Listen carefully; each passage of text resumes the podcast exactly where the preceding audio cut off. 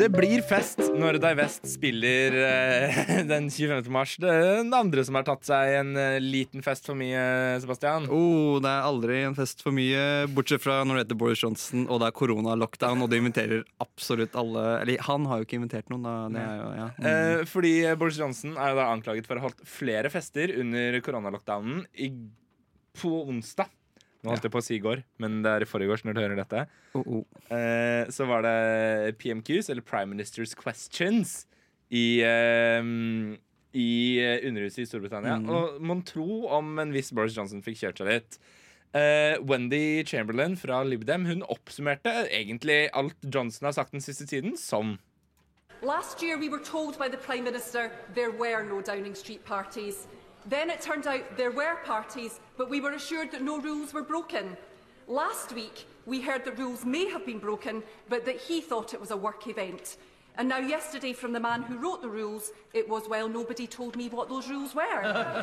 Mr. Speaker, five weeks ago, the people of North Shropshire were clear, and the people of North East Fife are being clear to me now. No matter the excuse, there is no excuse for taking the British people for fools. Will the Prime Minister agree it's now time for him to resign? For det er det det ropes om i gangene i Westminster nå, om at Johnson bør gå av. Ja, for dette er jo, eh, for å si det sånn, dette er ambolten som brekker kamelens eh, rygg, for å bruke et litt, eh, litt norwenglish ordtak.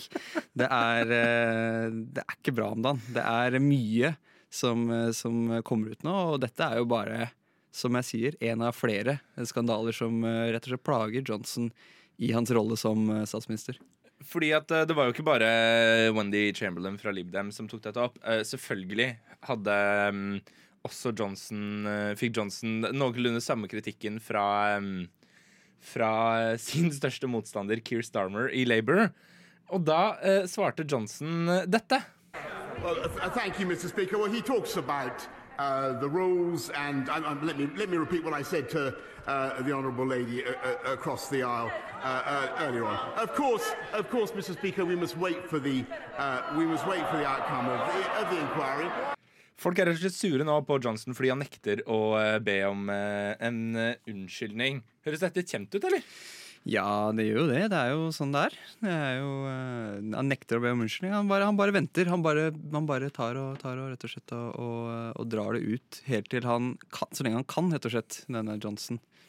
Fordi at nå roper de jo om at han skal eh, gå. Det er jo det de store debattene går i nå. Uh, det ble mildt sagt eh, ikke noe særlig bedre da Christian Wang, Wakeford, en opprinnelig egentlig konservativt valgt MP, eller Member of Parliament som det heter, rett og slett valgte å cross the hall. Ja. Som vi kjenner veldig godt, så sitter jo da eh, opposisjonen på én side, og eh, posisjonen sitter på den andre siden av da House of Commons.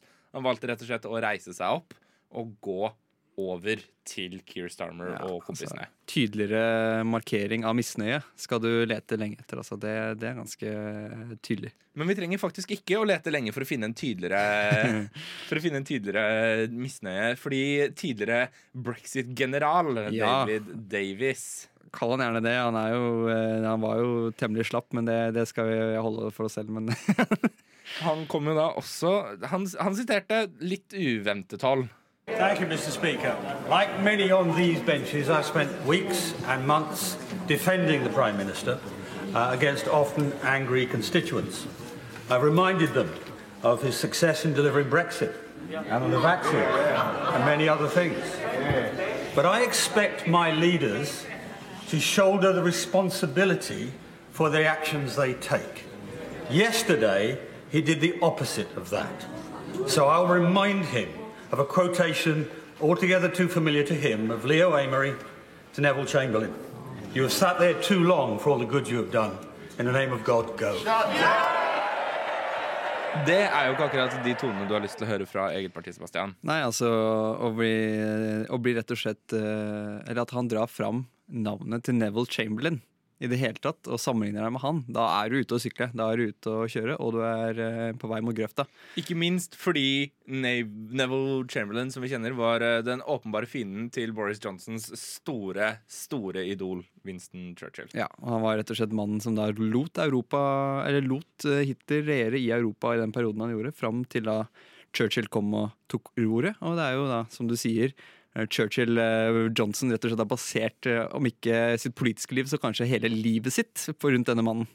Fordi at Hvis vi på en måte nå skal prøve å koke dette ned litt da, til hva som har skjedd, så sier Johnson først for et år siden, når det begynner å komme lekkasjer om at det kan ha vært da fester i hagene i Downing Street, sier han det var ingen fester. Så kommer det fram at det var noen fester, så sier han men jeg var ikke der. Nei. Så kommer det fram at han var der, og så sier han men de foregikk helt trygge innenfor koronarestriksjonene. Så kommer det fram at det ikke skjedde, og så sier han uh, det var ingen som sa at jeg ikke burde være der. Og, og så eh, kommer det fram at jo, det er det noen som har gjort. Eh, og så sier han ja, men jeg visste ikke bedre. Nei, og det er jo litt sånn klassisk. Og det, det, det høres jo litt ut som også Erna Solberg på Geilo. Eh, tidligere nå, Var det i år? 20, nei, 2021, mener jeg. Det var, ja, det var vel jo det. var vel gjerne det. Ja, nå, nå falt det helt ut her, men det var jo 2021 en gang, ja. Stemmer. At eh, Erna Solberg og familie feiret bursdag oppe på Geilo. På sushirestaurant, var vel det. Mm. Og brøyt eh, rett og slett alle smittevernregler som det var mulig å bryte omtrent. Eh, skal man vel si litt eh, påståelig. Men altså, det er jo rett og slett at de som sitter ved makten, eh, misbruker Om ikke misbruker makten, så i hvert fall feiltolker sine egne regler. Og det er jo det, er jo, det ser veldig dårlig ut, da. Det ser veldig Det tafatt ut. virker jo oppriktig usympatisk overfor uh, de som uh, har sittet i lockdown i uh, evinnelige tider eh, i Storbritannia. Ja, og dette var jo da tidlig, tidlig under pandemien. Og i tillegg da har det også, eh, før denne saken, kom det jo også ut denne julefestsaken rundt eh, Johnsons administrasjon, rundt nummer ti. Der hvor, der hvor denne pressesekretæren rett og slett fleipa med og spøkte med at de hadde en fest, en julefest, et julebord, som uh, rett og slett ikke var sosialt distansert, som man kan si på litt sånn teit språk, men at det ikke var, ikke var meter, og uh, det var rett og slett under en, en dårlig periode for smitte i Storbritannia. Og det, det er da nok en sak da, som kommer oppå dette igjen, som danner et veldig stort bilde av en regjering som er litt eh, for, for å si det sånn, den er litt usympatisk, kanskje. Vi kan jo eh, Det er jo eh, et kjent faktum at eh, Keir Starmer, lederen for opposisjonen i Storbritannia, er en tidligere dommer og aktor. Eh, det er jo det, det er der han startet sin karriere, og mye av grunnen til at han også er en sir. Han begynte rett og slett å bryte ned han, eh, Boris Johnsons argumenter under eh, Prime Minister's Questions da eh, på onsdag. Sånn hørtes det ut. Thank you, Mr. Speaker. Not only did he write the rules, but some of his staff say they did warn him about attending the party on the 20th of May 2020. Now, I've heard the Prime Minister's very carefully crafted response to that accusation. It's almost sounds like a lawyer wrote it. Og er det en som vet eh, hvordan eh, advokater skriver ting, så må det nesten være Keir Starmer. Og eh, Carefully Crafted eh, nevner han, og Carefully Crafted er også den planen som Boris, eh, folkene rundt Boris Johnson nå eh, planlegger å gjennomføre. Der hvor de rett og slett, eh, Dette er en plan som har blitt lekket til pressen som heter Operation Save Big Dog. Og Big Dog i denne, dette tilfellet blir eh, selveste Johnson. Og eh, planen til de rundt er å, å hale ut tiden ved å få media til å fokusere på andre ting. De har planer om å eller den originale planen, helt til den kanskje ble lekket. Nå, nå spørs det jo helt om den gjennomføres. Men den originale planen var da at, eh, at de andre ministerne skulle ut i media og få, eh, få gjennomføre intervjuer om andre saker. Rett og slett så mye de kunne. Helt til de da finner en riktig kandidat til å, til å knerte for denne festen fordi at eh, noen må ta fallet, og da må du finne en bedre syndebukk. Sånn som da for eksempel Johnsons nære assistenter eller lignende som har organisert eller sendt ut e-posten for eksempel, om denne hagefesten. Jeg tenker eh, vi eh, avslutter med å spekulere litt. Eh, det, altså det jeg liker å kalle fagbasert synsing.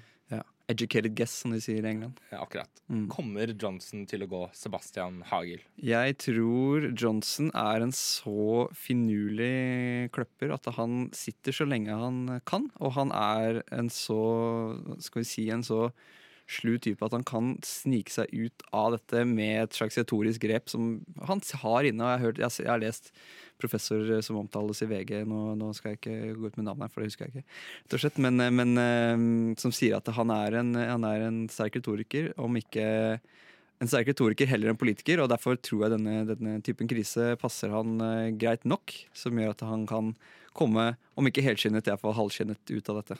Jeg tror nok Boris Johnson har en del til felles med tidligere president i USA, eh, Donald Trump, som fikk kallenavnet The Teflon Don. Because nothing sticks. Og jeg tror nok det er det vi snakker om med Boris Johnson også.